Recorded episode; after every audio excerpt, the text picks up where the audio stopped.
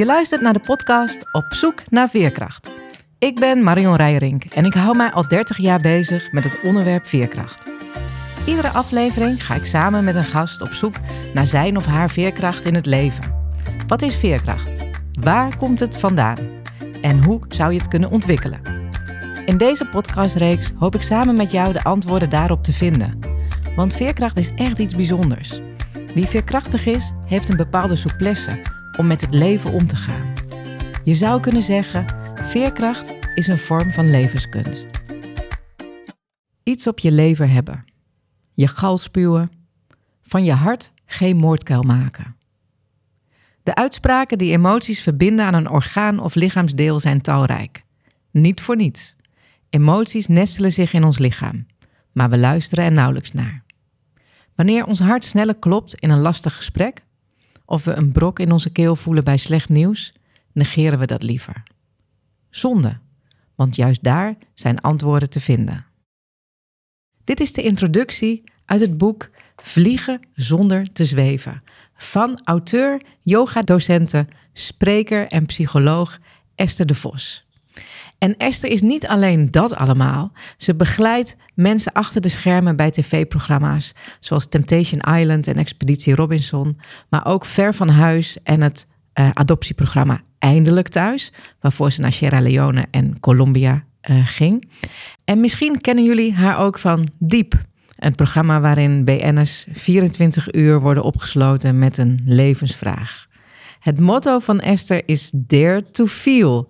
En vandaag spreek ik met haar over veerkracht en emoties. Welkom Esther. Ja, dankjewel. Heel leuk om hier te zijn. En uh, om maar meteen met de deur in huis te vallen, Esther. Wat is veerkracht voor jou? Ja, dat is altijd een mooie vraag. Um, ik kan er van alles over zeggen, maar om er even in te tunen op waar jij net mee begonnen bent. Uh, er is voor mij een enorme relatie met emoties. Um, als je veerkrachtig bent, kan je denk ik, wat mij betreft, heel goed omgaan met emoties. En emoties zijn energie in beweging.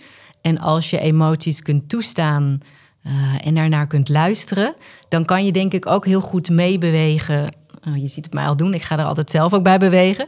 Um, uh, dus dat is denk ik een heel belangrijk onderdeel bij veerkracht. En, en wat jij zegt is een belangrijk onderdeel bij veerkracht. Dat zijn emoties en het meebewegen met emoties. Ja. ja. ja. omdat emoties, nou ja, uh, wij ervaren ze al hè, in, in, in, um, misschien in, in een kleine zin als ik jou ontmoet. Uh, dat is leuk. Ik ervaar dan een blijdschap. Denk, oh, wat leuk om jou weer te zien. Um, en zo komen er, denk ik, of niet alleen denk ik, dat is ook aangetoond. Er komen ongelooflijk veel emoties voorbij. Gedurende een dag, gedurende je leven. Um, maar een groot deel daarvan maken we niet bewust mee. Dat is op zich natuurlijk maar goed ook. Want uh, als je ze echt bewust meemaakt, word je misschien ook wel een beetje gek. Maar ik denk dat, um, um, dat er ook een heleboel dingen dus onbewust voorbij gaan waar we eigenlijk beter naar zouden kunnen luisteren. Omdat als we ze zeg maar voorbij laten gaan en we luisteren er niet naar, dan, um, ja, dan gaan ze ergens zich toch verstoppen. Dus ik had het net over blijdschap. Leuk om jou te zien. Nou, dat is een fijne emotie. Dus die, die, uh, ja, dat is iets wat we meestal wel prettig vinden om, uh, om voorbij te laten komen. Maar emoties als angst of emoties als boosheid, ja, die, die vinden we vaak best wel lastig. En um, die gaan dan zich vaak nestelen in ons lichaam. En ik ben ervan overtuigd dat we daardoor, ja, daardoor ook problemen ervaren, uh, die zowel psychisch als fysiek van aard kunnen zijn. En als je het over veerkracht hebt, dan denk ik dat hoe sneller je dingen uh, voorbij laat komen en ook accepteert, dat je ook weer door kunt gaan. Want heel praktisch gezien uh, vind ik veerkracht ook uh, echt letterlijk vallen en weer opstaan. Um, heel eenvoudig gezien je bed uitkomen als er iets moeilijks is gebeurd. En uh, ook eenvoudig en praktisch gezien, als er iets zwaars op je pad komt, dat je toch nog die maaltijd voor jezelf maakt. Um, ja, dat, dat, dat vind ik hele simpele voorbeelden. Um, maar daar gaat het wat mij betreft wel over. Echt het vallen en weer opstaan en doorgaan. En hoe meer je, ja, als je eh, die emoties niet wil voelen, als je ze niet wil toestaan, dan eh, komen ze vaak achteraf nog voorbij. En dan kan je er heel goed, nou ja, eh, in het ergste geval, of niet het ergste geval, maar een van de erge gevallen is dat je er een burn-out van oploopt of, of dat je er ziek van wordt. Ja. ja, en wat ik een interessante vind, hè, want we hebben het eigenlijk over emoties die we lastig vinden om te voelen. Ja. En emoties die we graag willen voelen. En voordat we het weten, zitten we te labelen positieve en negatieve emoties. Hè, dat zie ik veel voorbij komen. Waarbij je dat eigenlijk misschien alleen nog maar versterkt. Hè? Dus er zijn emoties waar je vanaf wil. En er zijn emoties waar je naartoe wil. Nou, is een hele beweging van ja, je gelukkig voelen en op zoek naar geluk. Ja. Uh, dus we gaan ergens naartoe of we proberen ons ergens aan vast te klampen en we willen ergens van weg. Naar mijn idee werkt dat niet en versterken we eigenlijk alleen maar die beweging van niet voelen. Hoe, hoe kijk jij daarnaar? Ja, ik deel dat geheel met je. Sterker nog, ik vind emoties goud. Ook, um, en dan ga, ga ik ze toch inderdaad labelen, maar dat wil ik eigenlijk helemaal niet. Want inmiddels ben ik ervan overtuigd, ook uh, aan de hand van alle mensen die ik voorbij heb zien komen in mijn praktijk en op mijn reizen, is dat juist ook die angst en die boosheid en het verdriet echt goud zijn en je ongelooflijk waardevolle eh, dingen kunnen meegeven. Als jij boos kunt zijn, dat heb ik zelf bijvoorbeeld echt moeten leren, dat heb ik niet meegekregen. Dan uh, als je dat kan, dan kan je ook veel beter je grenzen aangeven. Kan je nee zeggen, kan je veel meer staan voor wat je wilt. Um, uh, en met verdriet, ja, dat is dat is eigenlijk een, een emotie die je heel erg tot leven doet brengen. Als jij geraakt wordt, als je echt verdrietig kunt zijn, uh, dat is ook vaak het moment dat we ons heel erg alive voelen. Niet voor niks um, ja, praten we bijvoorbeeld over crematies en begrafenissen. Uh, soms alsof we dat juist heel fijn vonden. Uh, als een soort reunie om mensen weer te zien, dat ook. Maar ook omdat je op dat moment heel erg in contact staat met wat je voelt. En dat is, dat is eigenlijk ook heel gek, want uh, eigenlijk zijn emoties dus uh, vaak heel erg gelinkt aan bijzondere momenten, aan bruiloften, geboortes, aan bij sport vinden we het ook prachtig en toch vinden we het super spannend op de een of andere manier. Ja, en wat ik een interessante vind, hè, als we het hebben over de emotie verdriet. Ja. Um, ik heb in Ghana gewoond. Daar zijn huilvrouwen. Ik weet niet of je er ooit van gehoord hebt, Nee. maar bij een uh, begrafenis worden ze uitgenodigd en dan helpen ze om nou ja, te huilen. Die worden, die worden daar echt voor uitgenodigd. Als ik kijk, nou ja, ik heb in de eerste aflevering iets verteld over uh, mijn vader die overleed toen ik 15 was. En mijn vader die trok zich terug.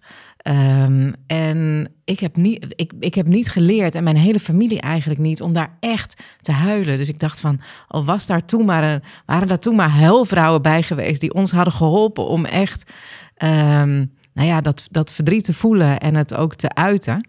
Want die helpen dan echt om bij jouw verdriet te komen, zeg maar. En om echt ook letterlijk om je tranen te laten vloeien. Ja, ze, ze wow. zitten daar om te huilen. En, en, en, als zij huilen, ja, dan, dan ga je zien dat, dat er meer meegehuild gaat worden. Hè? Ja, ja. Prachtig. Nee, dat ken ik niet. Dus dat vind ik leuk. Daar ga ik even wat meer over opzoeken ook. Um, ja, gek eigenlijk, hè? Dat we... Dat we ergens zijn we dat denk ik ook verloren of zo. En ook die, het stuk waar, jij mee begint, wat op mijn boek staat op de achterkant, is uh, eigenlijk als we teruggaan in het, in het verleden, dan zien we hoe talrijk die emoties en hoeveel wijsheid daar zit en hoeveel wijsheid er in ons lichaam zit. Maar op de een of andere manier is dat toch een beetje verloren gegaan. Zeker denk ik in de westerse, westerse maatschappij. Ja, en je zou kunnen zeggen, die wijsheid, hè, want het is dus wijs op het moment dat je iemand verliest, ja. um, dat je uiting geeft aan dat verdriet door ja. uh, te huilen. Ja. En, en toch zit daar een lading op. Want, ja. want ook na het overlijden van mijn vader, als ik op een begrafenis was of een crematie, ik kan nog heel veel voorbeelden verzinnen dat ik me toch een beetje zat in te houden. Want ja, ga je daar dan zo uitgebreid zitten huilen? Ja, dus dat Herken je, je, daar... dat? Ja, bij mezelf herken ik het. En ik herken het ook enorm in, in, de, in, de, in mijn praktijk. In allerlei mensen die met me mee zijn gegaan. Um, ook op reis. Uh, ook naar andere landen waar emoties ook een andere rol spelen. Eigenlijk net zoals ja. jij vertelt in, in Ghana. Maar ook doordat je op reis gaat. En dat, dat er ineens dingen loskomen bij mensen. Um, dus even kijken, je vroeg herken je dat? En ik herken ook wel de ook wel de, de angst of de kramp bij mezelf. Ik zei net al even, ik heb eigenlijk bijvoorbeeld boosheid. Dat heb ik op een verkeerde manier geleerd. Dus mijn ouders maakten hele heftige ruzie. Uh, en dat maakt eigenlijk dat ik daardoor bang werd van die emotie boosheid. Omdat ik dacht, als ik boos word, dan ga ik ontploffen. En dat wil ik niet. Dus ik denk dat er ook heel veel gebeurt. En dat is ook een systeem wat ik veel gebruik. Is dat als je in je kindertijd, eh, en net als wat jij vertelt over het overlijden van je vader, dan ben je ook nog jong. Als je, als je gewoon gezond, veilig opgroeit, ja, dan, dat gebeurt trouwens bij bijna niemand, maar ja, dan verloopt dat proces gewoon heel organisch. Maar vaak komen er dingen op ons pad die ons blokkeren. En ehm, dan, dan kunnen we dat niet meer. Of dan, hè, dan worden we geremd, zoals jij vertelt. En kennelijk heeft niemand jou een voorbeeld gegeven van hoe het is en hoe goed het is en hoe gezond het is om te rouwen. Ja. En uh, heeft jouw vader daarin zelf ook, hè, het heeft zich dus teruggetrokken. Dus heb jij niet gezien wat het effect is en hoe helend het kan zijn als je wel die tranen toestaat. Dus um, een voorbeeld is denk ik heel belangrijk uh, om ja, van je omgeving ook te zien wat, um, ja, hoe emoties kunnen helpen juist. Ja, en, en, en dan vooral de emoties die we als minder positief labelen in dit geval. Hè? Ja, hoewel ik wel heb gemerkt dat als je um, beter in staat bent, om het toch maar even zo te noemen, om boos te zijn, om bang te zijn, om verdrietig te zijn, dat je daardoor ook beter blij kunt zijn. Ja. Dus wat dat betreft is blijheid. Ik heb veel mensen in mijn praktijk gehad die soort van blij leken. Um, die uh, echt uh, vol enthousiasme. En dan ga je vervolgens wat vragen stellen. En dan kom je erachter dat iemand dat eigenlijk helemaal niet is. En dat als uh, iemand leert juist ook te gaan naar die wat moeilijkere, ik moet toch maar even moeilijk emoties, daardoor ook een veel rijker leven gaan krijgen. En mij dan later berichten sturen. En dan, dan zie ik een ander soort van blijdschap. Een veel diepere blijdschap. Ja. ja. Ja. en die moet je echt zelf kunnen ervaren. Uh, of zelf gaan ervaren om het verschil te kunnen, te kunnen voelen. Hè? Ja. Ik, ik zeg zelf meestal met de mensen waar ik mee werk, het zijn twee kanten van dezelfde medaille. Uh, dus op het moment dat je meer, meer geluk wil ervaren, uh, ja. zou, zou, je zeg, zou je kunnen zeggen, moet je ook openstaan voor alle emoties. Ja. Uh, omdat het twee kanten zijn van dezelfde medaille. En daar wordt het dan vaak een beetje spannend voor heel veel mensen. Ja, ja en ik denk dat er ook echt meer angst is voor de pijn dan dat het daadwerkelijk pijn doet. Dat heb jij misschien ook uh, ervaren in je werk of, of in het voorbeeld wat je, wat je zelf al geeft. Maar dat als je het aangaat, dat het misschien even op, ja, op de korte termijn heel eng lijkt. Maar dat als je het eenmaal aangaat, dat het op de lange termijn helemaal niet zo heel pijnlijk is. Ja. En dat het juist heel veel vrijheid geeft om erin te duiken en om er doorheen te gaan.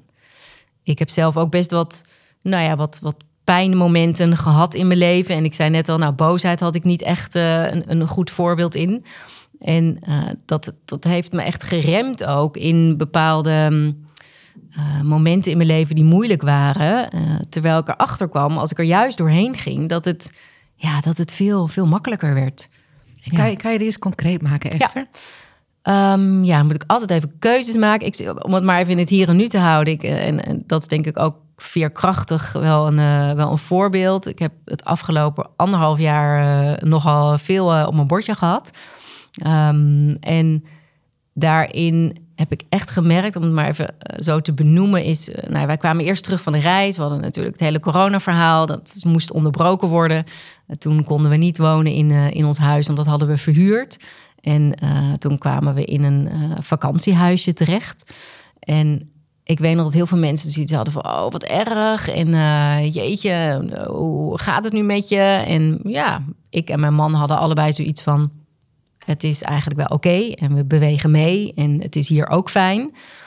Um, maar dat was wel doordat we beide, en ik denk ik toen nog wat meer dan hij, uh, op het moment van teruggaan ook wel echt uh, konden voelen dat het, dat het verdrietig was. En dat we afscheid namen van, van een mooie reis die we zouden gaan maken. Ik, uh, ik heb in mijn leven erg veel gewerkt, dus ik had me verheugd op eindelijk even helemaal niks.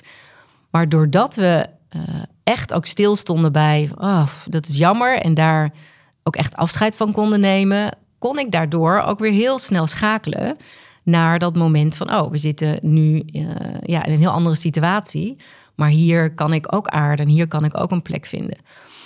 En dat, uh, dat is denk ik een voorbeeld van ja, je emotie voelen, toestaan, uh, accepteren en vanuit daar weer doorgaan.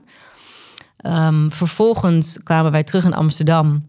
En toen um, vrij snel toen we terugkwamen, toen uh, moest mijn man voor een onderzoek. En daar kwam uh, nogal een heftige boodschap uit naar voren. Namelijk uh, dat er twee tumoren in zijn lijf zaten. Nou, en toen hebben we, dat is dan nu zeg maar een jaar geleden. Ja, en als je het dan over veerkracht hebt. Ja, ik.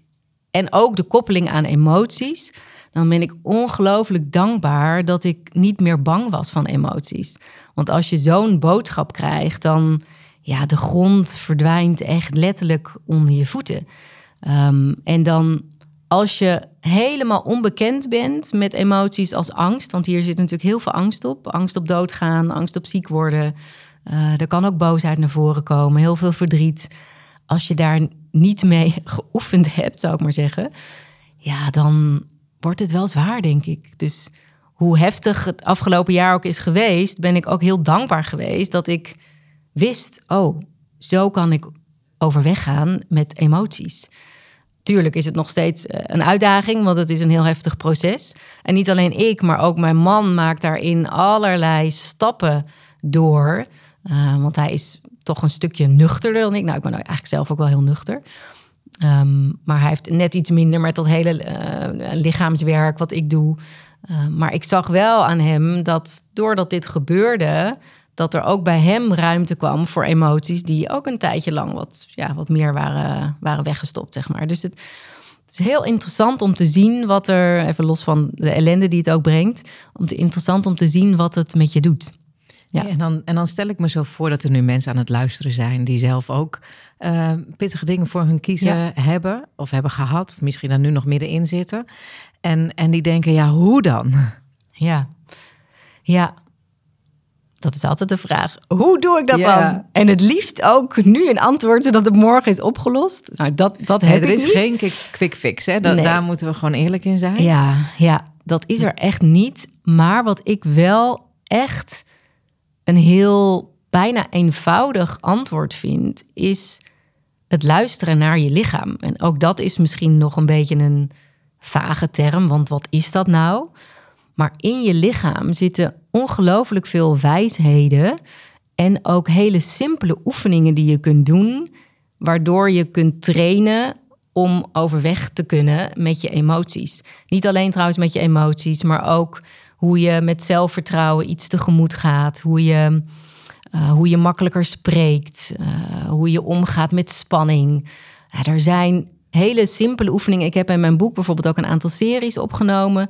Um, heel gericht op bepaalde thema's, zoals hoe kan ik mijn eigen stem veel beter laten horen. Of hoe kan ik mijn zelfvertrouwen um, uh, omhoog krikken, zeg maar. Uh, hoe kan ik mijn intuïtie beter volgen? En ook hoe kan ik meer omgaan met mijn emoties? En als je nu kijkt naar het onderdeel emoties en het lijf, dan speelt zich dat heel erg af. Ja, je ziet het natuurlijk niet als we met elkaar praten, dus de, maar voor de, voor de luisteraar. Ik zie jou bewegen. Precies, ik kan ook nooit helemaal stilzitten. Um, is dat het uh, vooral zich centreert rondom het gedeelte van het bekken. En daar zit vooral het gebied van de emoties, van de intimiteit, van de veiligheid. Dus als je wilt leren meer in contact te komen met alles wat je voelt, eh, en vooral gericht op emoties, dan helpt het om oefeningen te doen die gericht zijn op je bekken en op, het heup, op je heupen. Ik weet niet, jij vertelde natuurlijk net het verhaal over, over Ghana. Um, nou, ik vind het fascinerend uh, in vooral dat soort landen, of ik reis veel naar Suriname, uh, hoe er veel meer bewogen wordt vanuit de onderkant van ons lijf. Terwijl als ik in het westen omheen kijk, dan uh, zie ik toch vooral de hup, hup, snel, snel, schouders omhoog en borst vooruit. Niet altijd trouwens. en snel. En heel erg vanuit dat hoofd gestuurd. Ja. Ja, ik zat, hè, dat was een heel lang antwoord, maar is, was, het nog een beetje, eh, was het nog een beetje te volgen? Want ik word er altijd heel enthousiast van. Dus dan ga ik heel goed te volgen zelfs. En, en waar ik aan moet denken in, in heel veel leiderschapsprogramma's die ik doe, uh, werk ik met lichaamswerk. In de ochtend gaan we bewegen, doen we lichaamswerk. In het begin is dat heel, ja, mijn kinderen zouden zeggen awkward. Hè? Ja. Mensen denken, wat gaan we nou doen? En moet gaan we nou echt bewegen? En het interessante is, en, en soms doen we dan ook, dat doen we vaak nog voor het ontbijt.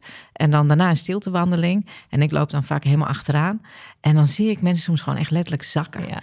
En dan weet ik gewoon, al oh, vandaag hè, kunnen we op een, ander, op een andere laag aan het, aan het werk. Ja. En, uh, ik heb en wat zie je dan zakken? Want dat... ja, je ziet de energie zakken. Ja. En je ziet dat mensen dalen, je zou bijna kunnen zeggen dalen in hun lichaam. Ja. Uh, waardoor het uh, niet meer dat pratende hoofd is. Juist. Uh, maar dat de rest van het lichaam ook mee mag doen. En dat het dus eigenlijk een soort potentieel, een ongekend potentieel aan mogelijkheden open gaat. Die daarvoor eigenlijk niet ter beschikking was. Ja. En, en van daaruit gaan werken in een leiderschapstraining of in wat voor training dan ook. Ja, dat is waanzinnig, want er gebeuren echt andere dingen. Ja, zo fantastisch dat je dat doet. Ja, wat mij betreft mag dat zoveel meer gedaan worden. Um, ik heb ook gezien bij zoveel mensen die, die ja, veel managers, leidinggevenden die in mijn praktijk kwamen en bla bla bla. Heel veel, heel, niet vanuit bla bla, maar heel erg vanuit, een, nou, vanuit dat hoofd en heel veel praten. Um, en als je dan gaat voelen en als je inderdaad dat zakken en veel meer die energie laat zakken, dan komen er ook veel sneller antwoorden. Dus dat vind ik ook zo tof aan ook aan dat, dat leren voelen. Als je echt durft te gaan luisteren naar wat je voelt, kan je ook veel bewustere keuzes maken. Dus je blijft niet rondzingen in dat hoofd, maar je gaat naar binnen en krijgt eigenlijk vanuit daar veel heldere antwoorden.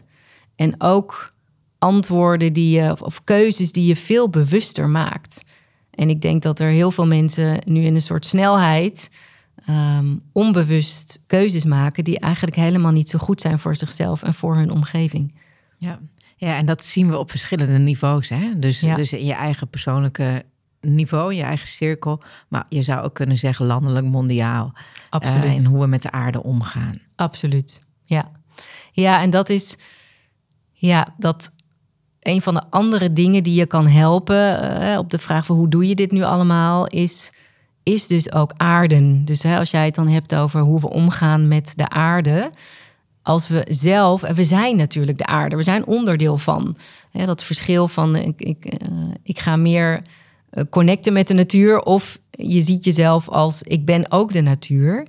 En als je meer zelf ook gaat aarden, dus veel meer met je voetjes op de grond, uh, het lopen, net wat jij vertelde, hè, dat je zo je dag start of dat je bepaalde oefeningen doet, zodat je meer geaard bent, ben ik er eigenlijk van overtuigd dat we dan ook beter gaan zorgen voor de aarde.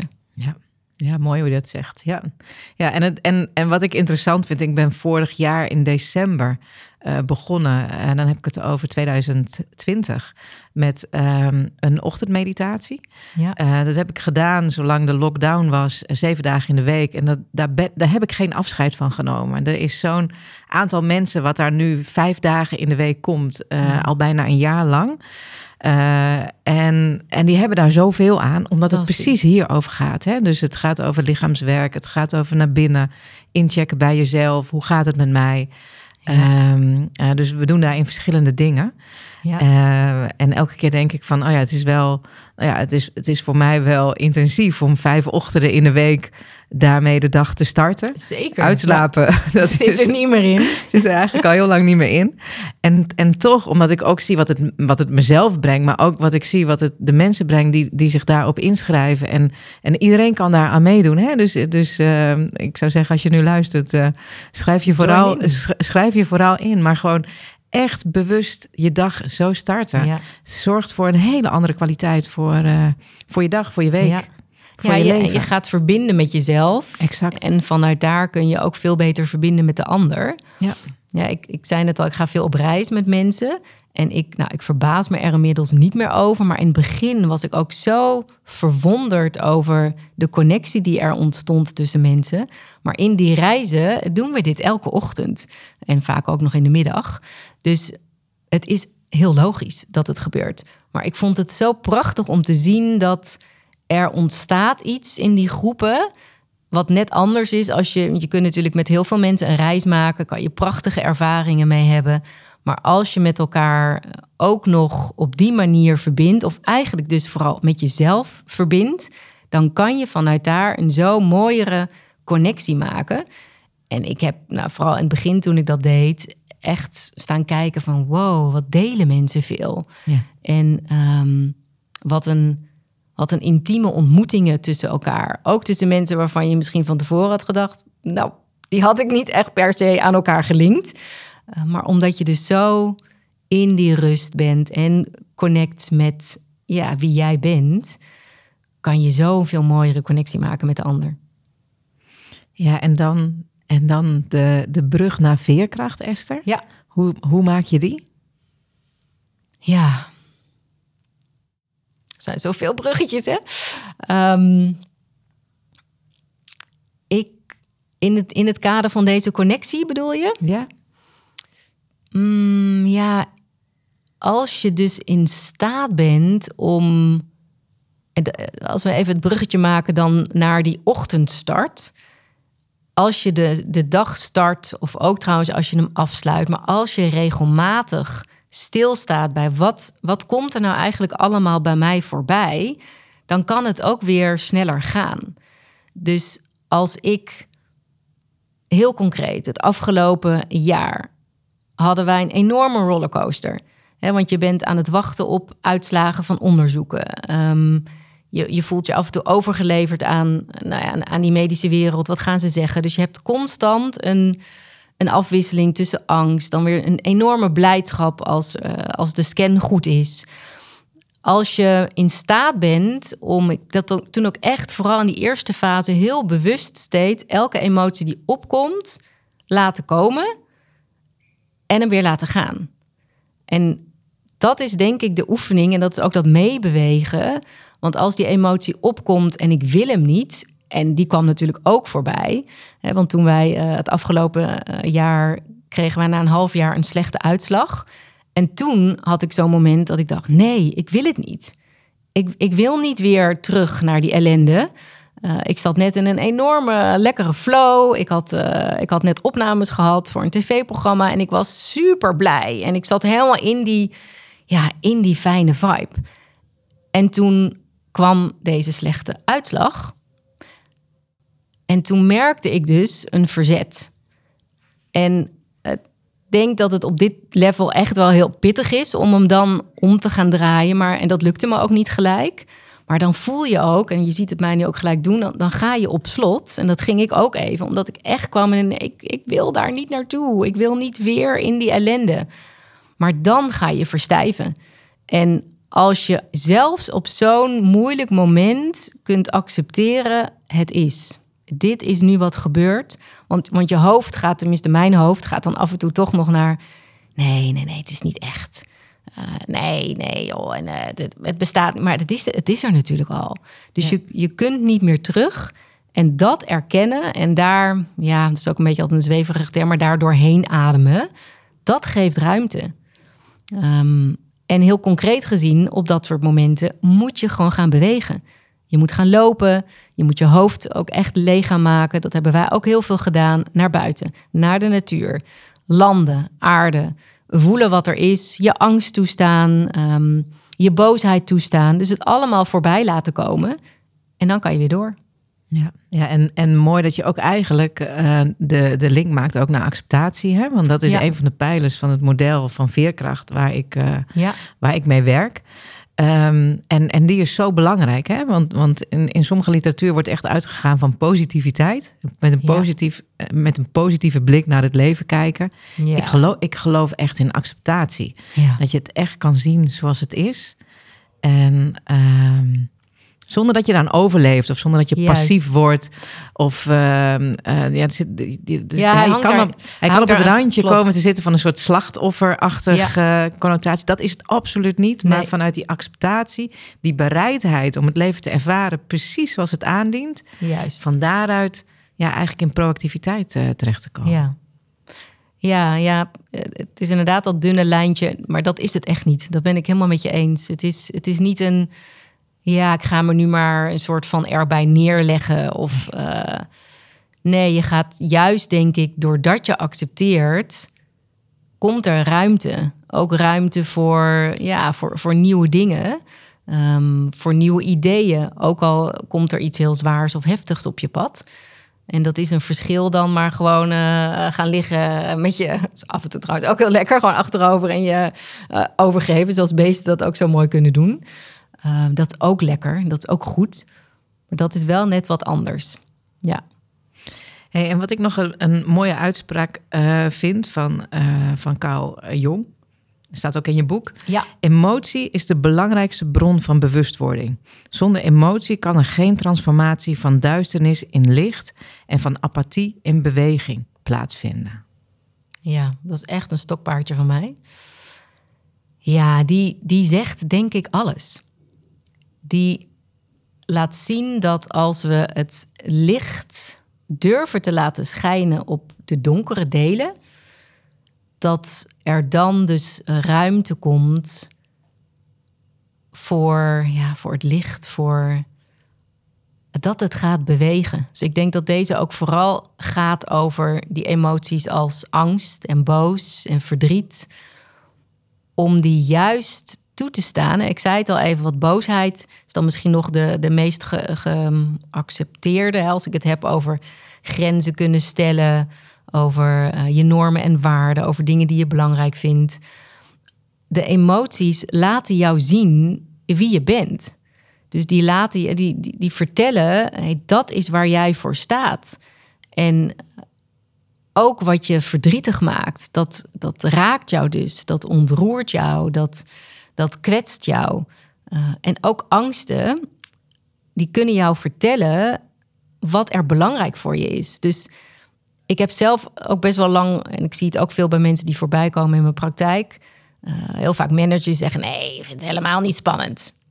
dan hoor ik eigenlijk gewoon dat ze het natuurlijk spannend vinden. En, en hoe beter je dat kunt erkennen, hoe meer je ermee kunt doen. Dus als jij erkent, nou, ik vind het echt best wel, uh, wel spannend om zo'n gesprek aan te gaan. Uh, een manager bijvoorbeeld met een, die moet bijvoorbeeld een slechte boodschap vertellen.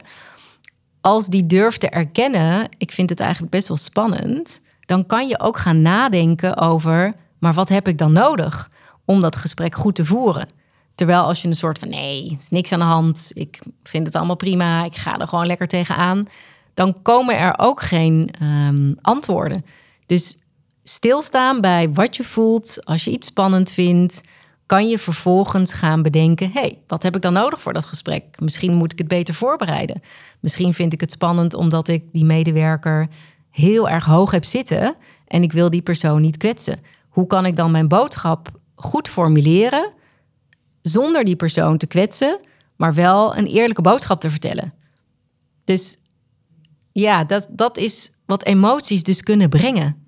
Ja, en het gaat dus ook hier weer over de verbinding met jezelf. En van daaruit ook de echte verbinding met de ander kunnen maken. Hè? Want op het moment dat ik zeg nee hoor, niet spannend, ben ik een stukje verbinding met mezelf kwijt. Klopt. En van daaruit kan ik dus ook niet verbinden met de ander. Nee, nee, dat gaat je niet lukken. En dat gaat die ander onbewust of bewust voelen. Even afhankelijk van eh, hoe die andere persoon ermee bezig is.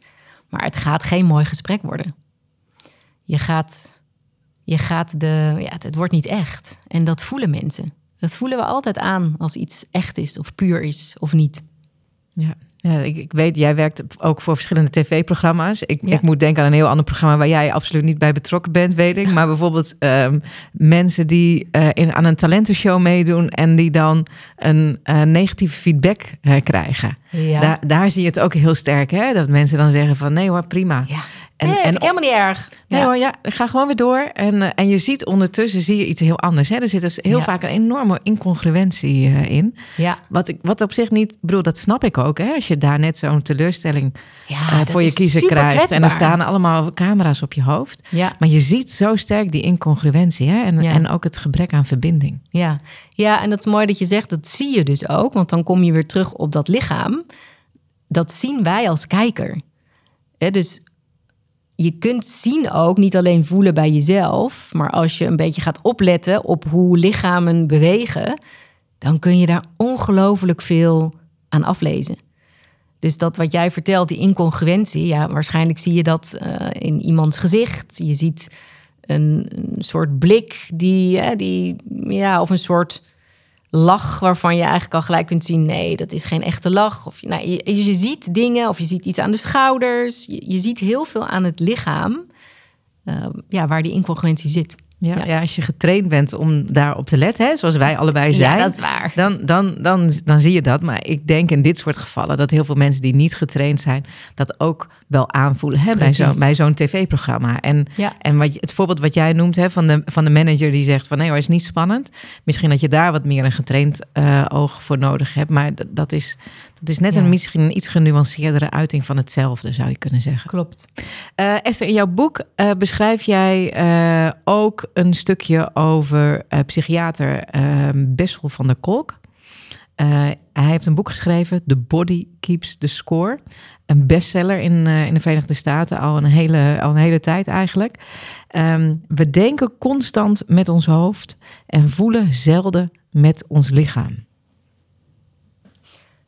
Ja, heel, heel fascinerend onderzoek heeft deze man uh, gedaan. En de coronatijd heeft zijn eh, boek ook extra aandacht weer gegeven. Dus dat is toch heel fascinerend. En wat ik heel mooi vind aan zijn werk is dat hij is een van de eerste die echt ook onderzoek heeft gedaan naar de, naar de combinatie of naar de linken tussen traumaverwerking en het lichaam. En ook hoe yoga en meditatie daarbij kunnen helpen. Dat is echt super interessant. Dat boek is ook echt een hele echt, echt een aanrader om te lezen als je hierin geïnteresseerd bent. Een van de dingen die ik vooral heel interessant vind, ook in mijn boek benoem, is dat het deel van het brein wat uh, ons helpt om te reflecteren, letterlijk out of order is als we een heftige gebeurtenis meemaken. Dus als wij een traumatische situatie beleven, dan gaat dat deel van het brein dus uit. Dus dat betekent dat het ook niet te doen is. Je, je kunt niet reflecteren als je, als je een trauma meemaakt. En dat maakt het voor de behandeling ook heel interessant. Want wat doen wij of wat deden we? Want er wordt steeds meer gedaan op dit vlak. Maar de, de traditionele manier van trauma's behandelen is door terug te gaan, uh, te praten over de situatie die, die zich heeft voorgedaan. Nou, hij heeft echt een fantastisch filmpje. Ik weet niet of het ergens te vinden is, maar um, dat laat zien hoe pijnlijk het eigenlijk is om iemand terug te brengen naar een situatie die ongelooflijk veel pijn doet. En dan ga je ook nog eens iemand daar allerlei vragen over stellen. En je ziet dan ook aan die persoon dat het helemaal niet fijn is. En eigenlijk is het bijna een soort sadistisch om iemand dus terug te brengen naar het traumamoment, dat weer te laten voelen uh, en eigenlijk weer die pijn te laten beleven. En als je dat koppelt aan het stuk dat je dus als je een trauma beleeft, dat dat deel van het brein helemaal niet werkt, is het ook heel raar dat je er naartoe teruggaat. Dus wat hij heeft gedaan is um, veel onderzoek naar wat kunnen we nou anders doen. En hij laat ook zien, ook in zo'n filmpje, dat wat er gebeurt als je in plaats van erover te praten, iets met het lichaam gaat doen. Dus je gaat wel terug naar dat moment, maar hij gaat dan uh, iemand uh, laten ontspannen. Dus de schouders laten ontspannen.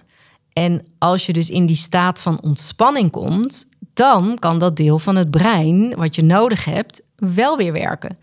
En dan kan je een heel andere uh, ja, manier van werken hebben en kom je tot, ja, tot fantastische oplossingen. Ja. ja, mooi dat je dit noemt. Want in een van de volgende afleveringen ga ik ook nog in gesprek met Teun Busser. En die gaat hier nog veel meer uh, over vertellen. Want hij is uh, transformational bodyworker. Ja. En hij werkt ook echt met hoe trauma zich heeft, zich heeft vastgezet in het, uh, in het lichaam. Dus dat wordt ook een hele interessante aflevering als het gaat over dit, dit onderwerp. Mooi. Ja, daar is echt nog zoveel winst te behalen. In plaats van het er maar over praten. Dat is ook echt een reden waarom ik, waarom ik in mijn praktijk het lichaam ben gaan gebruiken. Um, waarom ik yoga ben gaan doen, wat ik op zich voor mezelf ging doen, maar merkte van zo, maar hier zit veel wat we kunnen gebruiken.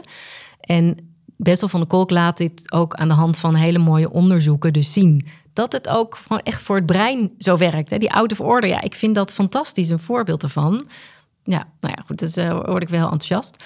Maar dan, um, ja, die insteek van dus via dat lichaam, dat we gaan ontspannen. Hè? Uh, ja, jij kent het zeker, maar misschien uh, luisteraars niet. Dat verschil tussen het parasympathische en het sympathische deel van het zenuwstelsel als we in het sympathische zenuwstelsel zitten, dat is eigenlijk die, die aan. Hè? Dan la la la, we gaan en we, we rennen, we vliegen en die adrenaline gaat omhoog. Heb je nodig, is gezond, maar niet voor niks moet er een balans zijn. Dus we moeten ook naar dat parasympathische zenuwstelsel toe.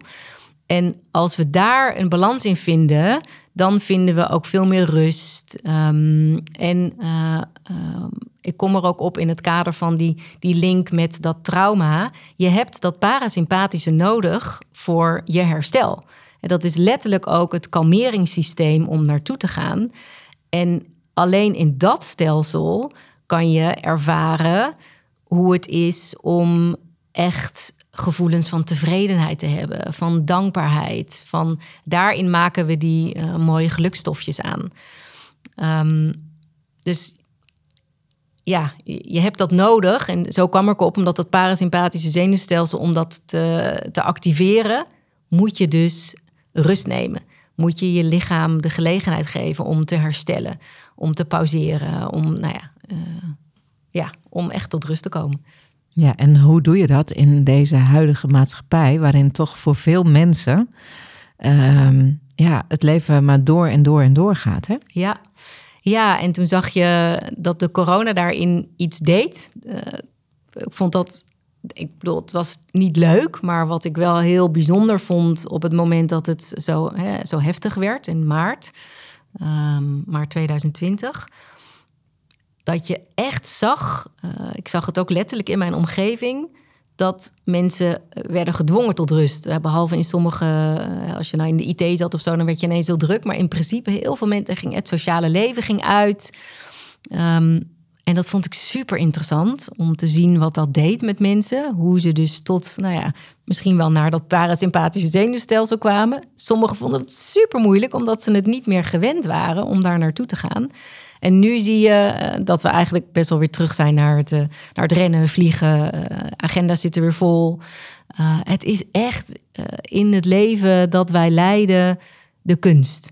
Om, ja, je moet er bijna een soort discipline toch voor hebben om jezelf die rust te gunnen. En om, ik heb bijvoorbeeld zelf nu even een social media stop. Het is iets heel praktisch.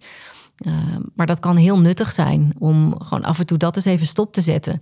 Of iets anders te bedenken. Uh, of één keer in de week eens offline te gaan. Want er komen ongelooflijk veel prikkels bij ons binnen. En dan kom je dus steeds in dat, in dat heftige systeem terecht. Uh, nou ja, en als je daar maar in blijft zitten, ja, dan raak je dus op een gegeven moment overspannen of burn-out. En dat loopt tot nu toe alleen nog maar op, hè, die cijfers. Dus ja, um, ja dat is echt wel zorgwekkend. Ja. Ja, en dan zeg jij van af en toe alles uitzetten. -huh. Ja, dat brein heeft dat dus ook echt nodig. Dus inderdaad, alles uitzetten. Even geen een weekend zonder afspraken maken.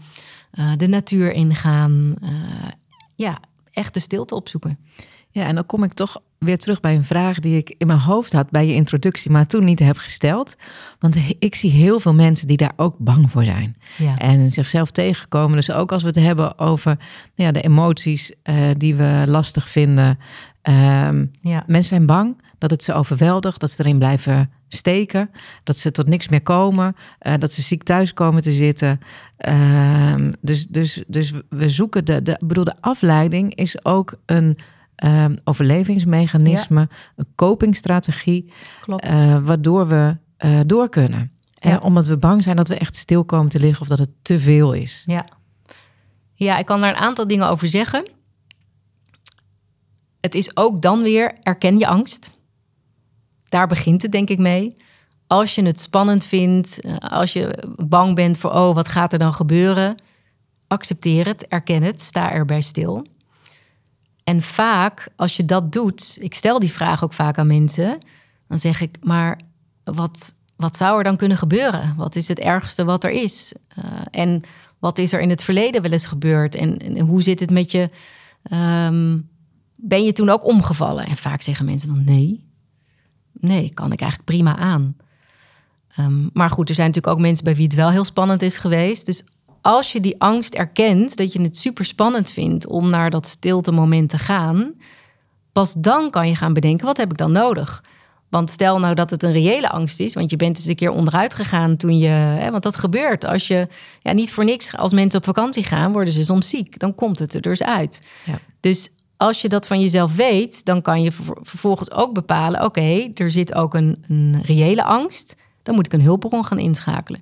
Dus dan is er misschien een, ehm, een oefening die me helpt. Of is er misschien een uh, psycholoog waar ik vroeger naartoe ging. Of een coach die ik dan even achter de hand moet houden. Of er is een vriendin die ik uh, op dat moment uh, kan gaan bellen.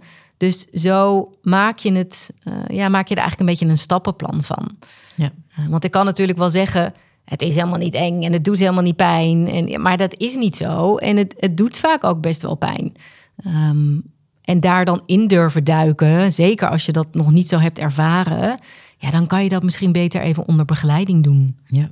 Ja, het is mooi dat je dat zegt. Ik had de afgelopen week iemand die nieuw meedeed aan de ochtendmeditatie, de Mindful Morning Practice, waar ook een zekere angst bestond van wat kom ik tegen. En daar had ik mee afgesproken dat ik elke ochtend achteraf heel even tien minuten, een kwartiertje met haar zou bellen. Ja, fantastisch. Uh, om in elk geval dat, dat, ja, die hulpbron even te, te kunnen zijn voor wat er dan misschien toch naar boven komt. Ja, ja. ja mooi. Nou, en heel ook heel praktisch en fysiek gezien. Stel je, uh, je gaat een, weet ik veel, een stilteweek in of uh, uh, je doet iets wat voor jou werkt. En het wordt best wel overwhelming. Dan kan het alleen al helpen om rechtop te gaan staan. Ook weer dat aarde en het lichaam te gebruiken. Want als jij, je ziet het mij nu weer doen, als je dus uh, rechtop gaat staan en je maakt ruimte aan de voorkant en je gaat echt stevig staan. Zullen we de oefeningen doen nu? Ja, als dat, uh, als dat kan. Dat kan. Ja. Ga je gang. Neem ons mee. En voor degenen die nu in de auto zitten terwijl ze dit luisteren, doe het later. ja, dat lijkt me verstandig. Um, ik, maar kan ik gaan staan en Nee, dat dan weer niet. Ik denk wel dat jij het zittend moet doen. Precies, dat dacht ik al. Nee, dan hou ik het even op het bovenlichaam. Dus als je, als we even teruggaan naar je gaat uh, de stilte in en, het, en, en, en er komt een ongelooflijk verdriet over je heen. En het lukt niet helemaal om daaruit te komen dan kan je vervolgens kan je jezelf, want vaak als het, als het overwhelming wordt, dan gaan je schouders vaak een beetje naar voren. En dan voel je je heel kwetsbaar. En als je voelt, oh, dit wordt te veel, dan kan je het bovenlichaam weer wat langer gaan maken. Dus je rekt jezelf eigenlijk een beetje uit. Dus je voelt je zitbordjes heel stevig in de grond. En dan werveltje voor werveltje maak je je rug lang, zet je je hoofd ook even echt rechtop, dus een lange nek. En als je dan nog wat meer wilt, je kunt er ook bij gaan staan, stevig met je voeten op de grond. En je kunt ook ervoor kiezen om je armen richting, nou ja, zeg maar de hemel te brengen. Dus je handen uit te strekken, je armen uit te strekken, je schouders laag te laten.